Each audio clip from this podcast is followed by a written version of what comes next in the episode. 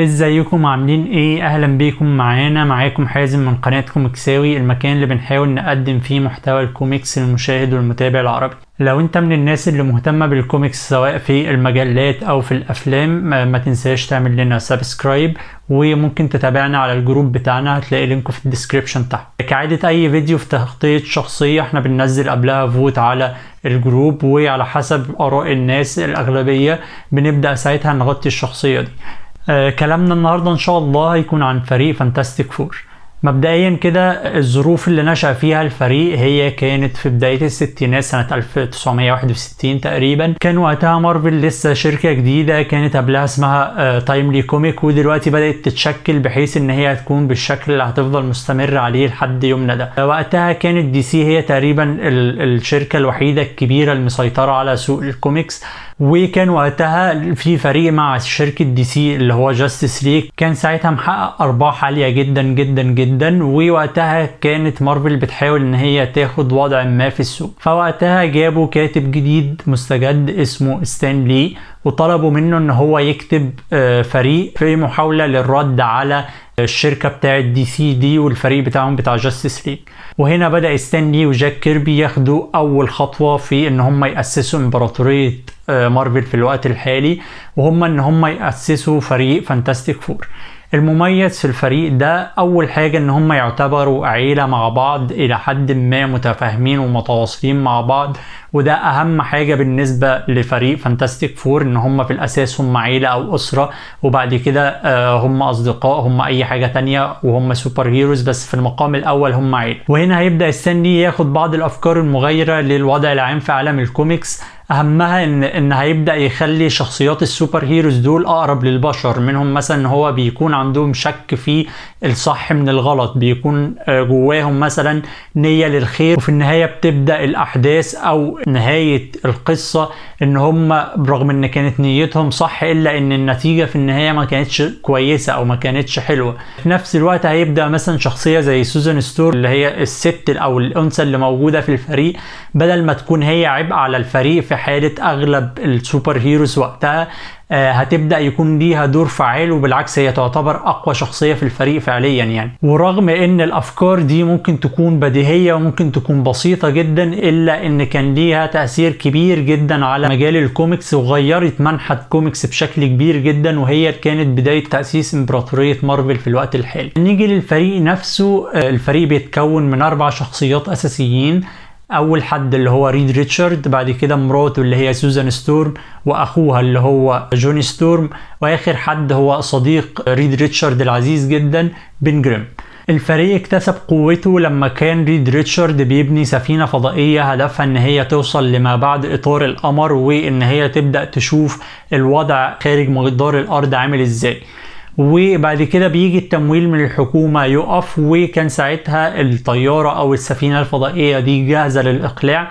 فوقتها بيقرر ريد ريتشارد إن هو اللي هيعمل العملية دي لوحده من غير ما يحتاج لممول أو إن الحكومة إن هي تساعده. وهنا هتبدأ سوزان ستورم تطلب إن هي تروح معاه اللي هي وقتها كانت حبيبته مش مراته وجوني اللي هو أخوها هيبدا يتدخل برضه إن هو عايز يروح معاهم. وفي نفس الوقت كان ريد ريتشارد محتاج حد يقود السفينة الفضائية دي فلجأ لصديقه العزيز اللي هو بن جريم بحيث إن هو كان طيار في الطيران الحربي وإلى حد ما عنده خبرة الكافية إن هو يطير السفينة الفضائية دي. وقتها كان في زي أشعاع كوني أو في عاصفة كونية موجودة وقتها أجل ريد ريتشارد الإقلاع بالسفينة وقرر إن هو يتسلل بالليل لمكان السفينة الفضائية دي ويبدأ هو والمجموعة اللي معاه يركبوها ويطيروا بس تبعات الإشعاع الكوني ده طالتهم بشكل ما واضطروا إن هم ينزلوا للأرض اضطراريا يعني. وهنا بيبدأ يكتشفوا إن الإشعاع ده رغم إن هو ما عملش دامج أو ما أثرش على المكوك أو السفينة الفضائية بتاعتهم إلا إن هي اكسبتهم بعض الحاجات المغايرة للحاجات الطبيعية للإنسان. فهنلاقي مثلا إن جسم ريد ريتشارد بدأ يتمدد بين جريم بدأ يتحول للشكل الصخري بتاع جسمه سوزان بدأت تختفي محدش بدا بدأ يشوفها وحاجات من هذا القبيل. وبعد كده بعد ما بيكتشفوا إن هو عندهم قوة بيقرروا إن هم يستخدموها في الخير طبعا ويكونوا super heroes. وهنا برضو هيبدأ ستانلي يكمل فكرة التغيير في الشكل العام للكوميكس وهيخلي إن هم مش super heroes ليهم شخصيات مختفية بالعكس هم super heroes موجودين بشخصياتهم الحقيقية سواء باسمهم بغض النظر عن ال alias أو اللي هو الاسم المستخدم أو الاسم المستعار اللي الناس بتتعرف عليه.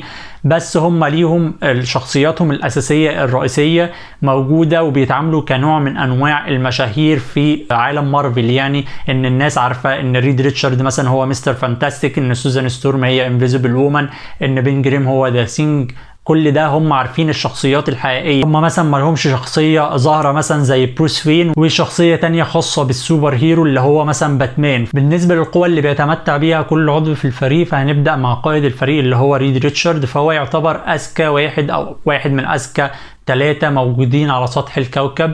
هو وبنته فاليريا ريتشارد وعدو اللدود اللي هو فيكتور فان دوم الثلاثة دول بيتشاركوا المرتبة الأولى أو المرتبة الثانية في عالم مارفل بالنسبة لأذكى الشخصيات اللي موجودة في العالم ده. وبالنسبة لقوته فهو بيقدر يمدد جسمه أو يغير من أبعاد جسمه للشكل اللي هو بيبقى عايز إن هو يوصل له. بالنسبة لسوزان ستورم فهي تعتبر أقوى شخصية في الفريق وبتقدر إن هي تتحكم في الطاقة اللي حواليها بحيث إن هي تقدر تغيرها. ومن خلال ده بتقدر إن هي تخفي مثلا جسمها بتقدر إن هي تعمل زي بابل أو تعمل زي غلاف حواليها يحميها وفي نفس الوقت بتقدر تعمل نوع من أنواع التحكم في الطاقة بحيث إن هي تهاجم الشخص اللي هي عايزة تهاجمه يعني.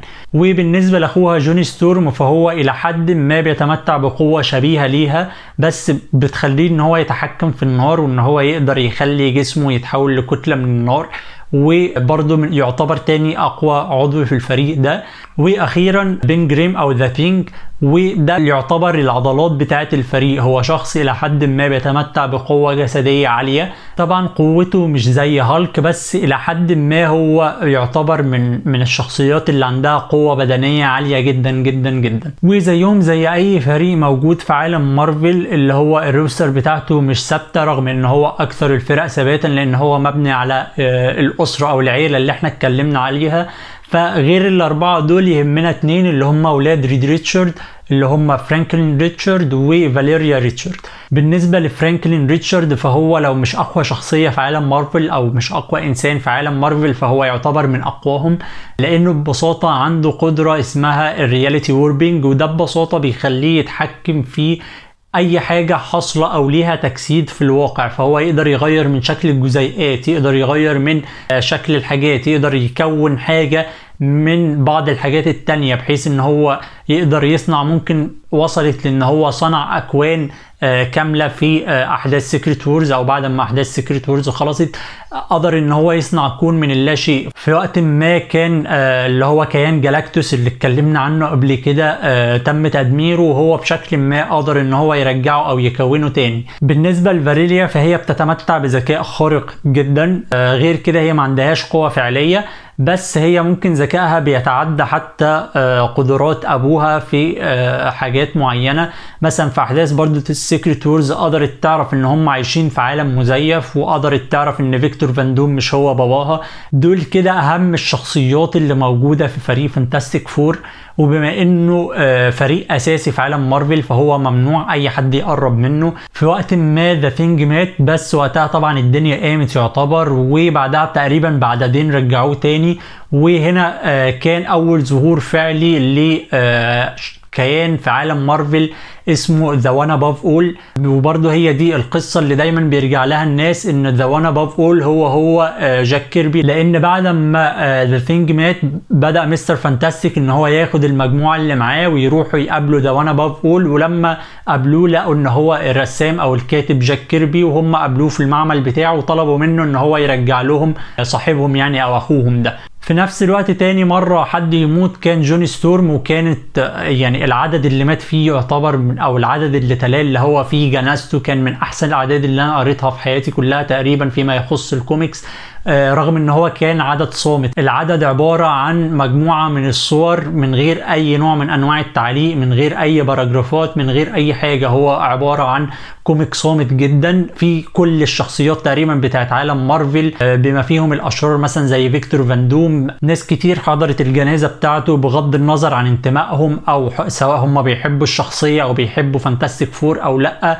وبعد كده طبعا بما إن إحنا بنتكلم عن كوميكس فالشخصية رجعت تاني يعني. بس بشكل كبير فريق Fantastic Four ممنوع إن حد يقرب منه فعلا يعني. غير كده هم وقفوا إن هو يكون موجود بعد أحداث Secret Wars بشكل أساسي إن فريق Fantastic Four اعتاد الناس إن هو لو في مثلا شخصية بتتقدم جديدة على, لعالم مارفل فهي بتتقدم من خلال Fantastic Four فجت مارفل بعد أحداث Secret Wars في 2015 عشان يقولوا إن العالم بتاعنا اتغير بشكل كبير. فشالوهم من الصورة بشكل كبير والفريق انتهى تماما. لمدة تقريبا ثلاث سنين ووقتها كان ريد ريتشارد وسوزان ستورم وفاليريا وفرانكلين مش موجودين على الساحة وهنلاقي The Thing بدأ ينتمي ل Guardians of the Galaxy وساب الأرض بما إنه هو أصلا كان طيار وكان نفسه إن هو يستكشف الفضاء وكده فده كانت فرصة حلوة جدا. وبالنسبة لجوني ستورم تقريبا وقتها انضم لفريق Avengers وفضل معاهم لفترة لحد ما الفريق بتاع Fantastic Four اتكون من تاني يعني. بالنسبة للناس اللي واجهوهم Fantastic Four فال arch nemesis بتاعهم يعتبر فيكتور فاندوم وهو من أهم الشخصيات في عالم مارفل. اللي إحنا بنتكلم مثلا عن شخص عنده القوة السحرية المكافئة مثلا لشخصية زي دكتور سترينج عنده نفس العلم عنده نفس الفهم للسحر وإزاي بيتحكم فيه وإزاي بيعمل. وبشكل ما فيكتور فاندوم من الشخصيات اللي بتسعى دايما للسيطرة على أكتر قدر من القوة اللي موجود. قريب مثلا من ثانوس زي ما شفناه في الأفلام مثلا. برضو من أهم الشخصيات اللي واجهوها كانت Silver Surfer وجالاكتوس في بداية تقديمهم لعالم مارفل اللي كان موجود برضو في الجزء الثاني لفيلم Fantastic Four سنة 2006 تقريبا بعد فشل الجزء الأول لسبب ما هم قرروا إن هم يعملوا جزء تاني وقرروا إن هم يعملوا له reboot بس آه عموما كل الأفلام دي ما كانتش تبع مارفل وفي إشاعات في الوقت الحالي إن مارفل هتبدأ تدخل Fantastic Four في المراحل اللي جاية في عالم مارفل إلى حد ما في السينما. بكده نكون خلصنا أهم الحاجات الخاصة بفريق Fantastic Four لو حابين إن أنتوا تشاركونا في الشخصية اللي جاية وتقولوا لنا حابين إن إحنا نغطي إيه يا ريت تقولوا لنا في ال vote اللي موجود على ال group. ولو عجبكم الفيديو اعملوا like. لو مهتمين بتوجه القناة اعملوا subscribe. وإن شاء الله أشوفكم الفيديو اللي جاي. سلام.